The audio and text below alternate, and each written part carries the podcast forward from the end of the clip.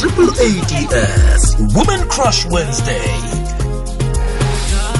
sokuphi ithuba lokuthi umazi ngconywana ubuzo ofuna ukukubuza. Faka umfakelo wakho ku-0861 120 asimamukele emagagasini omoya we-triple ads lotsha ndlovukazi sanibonani sanibonani. Ngibingelele kwebhuti ngibingelele nabalaleli sithokoza kakhulu kwamambala ukuthola ithuba lokuthi sicocisane nawe namhlanje si tsho khona bona hayi namhlanje sisibusisekile. Ngiya- ngiyabonga nami. Sithokoze kakhulu kwamambala. Um njengoba bengisabala nje ama-hit eh esikwazi ngawo akusicocela ukuthi undlovukazi ngubani usukaphi? Eh uthe na usuka-ke ekhaya wavele weqele emahithini namhlanje namtshana-ke kunalapho wathoma khona ngendaba yomusic. Okay undlovukazi-ke ngikutalwa uprincess uh, nompumelelo wakandlovu uh, i'm from uh, embombela in nelspruit kodwa-ke ngikutalwa ngidalelwe enkomazi uh, i'm a songwriter i'm a singer uh, i'm a performer. Ngingacala kucula just you know most artists start in church. You know Mm. nami-ke bengumntwana lokucula esontweni you know I, i actually thought i'll just end at church. I didn't think ukuthi ngizawuchubeka ngemculo kodwa-ke ngikubona i-support from my family i-support from the people around la ngikhule khona-ke ngabona ukuthi nami no let me try this actually that's when i thought you know what let me let me do this. Kodwa-ke another person that actually made me believe in myself is the legend uh, Yvonne Chaka Chaka. When she called me a future legend i don't i then thought you know what let me pursue this thing as a career. Mhm. nje-ke um nawungathi uyasibalela nje abanye abavumi abakhulu abahlonitshwa-ke phasini lokho khe wasebenza nabo njengobana um ukhulumise indaba kamma udr ivon chakachaka nje ukuthi wakubona wathi nandi italenta lapha wena fanele usikime ungahlali lapho hlezi khona ngeke ngibapha abanye abavumi ukhe wasebenza nabo Uh, I've worked in a project. It was various artists. There was the late Robbie Malinga, Abo Zahara, Abo Kelly Kumalo.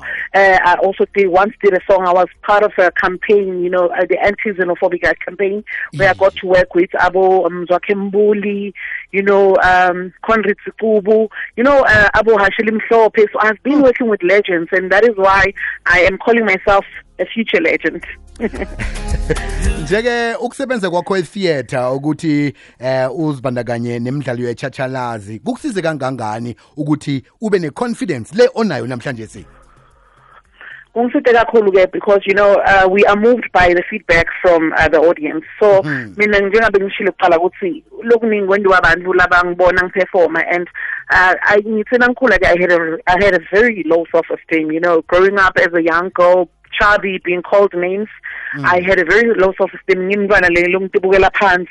Kodwa ke umculo wangenda ngathi ngaba ne ngaba ne confidence abantu bona bathi uzicula kamnandi ngathi how there is something good about me. Ngabona ke kungcono ukuthi wow. Sho ukuthi eh yangikhuthaza le nto ukuthi ngichubeke ngicule kimi stage ngoba ngabona ukuthi khona lokuhle labakushoko ngami.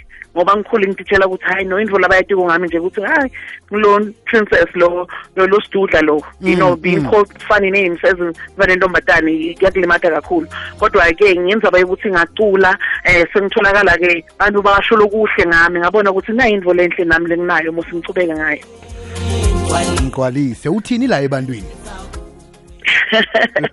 nangigcwalise. Le ngoma lena ingoma lengibhale eh 2021 lomnyaka lophelile ke ingoma lengikhuthatako ingoma le ngithi nangicula ngitiva ngikhala ngikhalela kuNkulunkulu ngoba bekusikhathi nje lengathi lesingasemnanzi you know 2021 it was one of those year where there was challenges kimi emndenini nako konke. Kodwa ke ngoba mina ngumuntu lokholwa kuNkulunkulu ke ngabe sengibhala le ngoma ngithi you know most of the time people are depressed and they don't know they think ukukhala is a problem. They think mm. crying to god is a problem. Then i was saying you know ngigcwalise fill me up ngidiva ngikhathele ngiphelelwa ngumoya. Hmm. Encourage nalabanye ke laba laba depressed abantu laba netinkinga ukuthi nabo abakhalele kujehova bathi ngigcwalise you know? Hmm, you know hmm. so ngiko nje kona lokho yangikhuthaza ngabhala le ngoma leyo uyisebenze nobani? Iphume nini? Ingoma ke ngisebenze na there's a young producer from Embombela called Stevie. Eh wakamabuza ke umntwana ke losaqala naye. Wathi nakakhuluma namathi i want to i make beats. Ngasethi ngikulalele ngamniketa lifuba ke. That's when wacreate ngamtshela ke ngacula ingoma. Ngathi na ingoma ngiyibhalile. Wacreate something and then eh bese ke ngisebenza na DJ Chase eh from working with Vuyo ke ngihambe sebenza na DJ Chase. Eh DJ Chase ke ba madila abaningi. When ama hits he used to work with uh, DJ Kanyani he did the song Chigubu you know he's mm. one of the talented um, producers. So yeah ngisebenze nabo ke kule ngoma. Cabanga ukuthi ke umuntu uyafuna ukuthi abe naye efonini uyidownloada njani kuphi nakhona ingoma ke ngigcwalise ikhona kuwo wonke ama-digital stores ikhona kubo iTunes ikhona kubo uh, Deezer ikhona kubo Spotify ikhona kubo Joox ikhona ke naku YouTube ngiyacela ke mina ukuthi abantu bangathi bangisupporta bayi-streame bayi-downloade. Ngingajabula kakhulu. Ngibonge mhm. ne-support in advance. Akhe sizwe ngapha. Awubhiziwe ukhuluma nodonald la isekunda e-afghan kinross exstation 21 bengicela ukubuza lapho ukuthi umamdlovukazi no-tennis bahlangana kanjani mara liyita kanjani kahle kahle? Bengicela ukubuza lokho. Batshoni niyahlobana sengiwuphendule ke umbuto ngibonge bhuti wami for umbuto wakho-ke um lengingakusho ukuthi ngathi ngiya estudio um mhla ka-four january twenty nineteen mm. ngiyorekhoda ingoma na prince k b lethu gugu lethu um TNS was still bekahlala na na na na Prince KB mm. they were staying in the same house and then ngathi nje nangiceda ukurecorda gugu lethu nangithi ngiyaphuma ngiyahamba ke TNS wadlala ibeat ye yeMaidali you know? That's when ke ngithi ngiyadlala nami ngithi hosa weMaidali bavele bathifaka kuvakala kumnanzi. So yeah I actually met TNS through Prince KB noma ngisathokoza ke sizwe ukuthi ngiyapha eh beziwe ngusipho ngilange Middelburg eh uNdlovukazi uvuma kamnandi kukhulu kamnandi kukhulu net abantu ababa biziwe kheni ikhalime indaba yesikhuwa mrhatsho wesikhethu lo mrhatsho wesindebele. Umuntu lo ubuya le mpumalanga embombela. So akakhuluma isiswati sekhabo.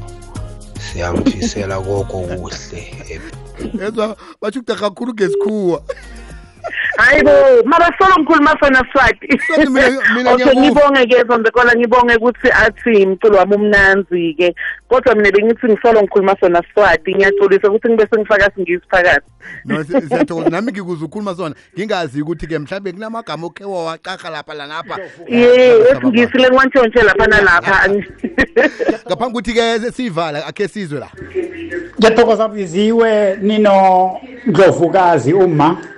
Kujabu mahlangu hayi ngiyathokoza ukuthi epumalanga kube nomuntu okhuthele njengomuhla kokuthoma kwesibili umbuzo wami uthi uzwa njani namkha uphathe kanjani nakahlangana nabantu ezwe akhulunywa namkha noma ngazi bakhuluma bathini mara nakezwa namkhabona bakhuluma ngaye ngoba vele umuntu oziphethe ngendlela ethetshana mke-celebrity iyakhulunywa yena uphathe kanjani? Ngingafuna ngicela ukuthi ngibuta nguvanga kahle umbuto wabhuti uh uthi nawuzwa abantu bakhuluma ngawe ukuthi bakhuluma kuhle namjana kumbi kukwenza ukuthi uzizwe njani? Okay ngiyabonga kakhulu. Eh eyi kuyangijabulisa kakhulu. Ke mina ke nginenhlanhla ukuthi nginokuva abasho lokuhle ngami. Mhm. eh bantu especially la ngibeya khona ke eh bombombela bonkomazi nathi siya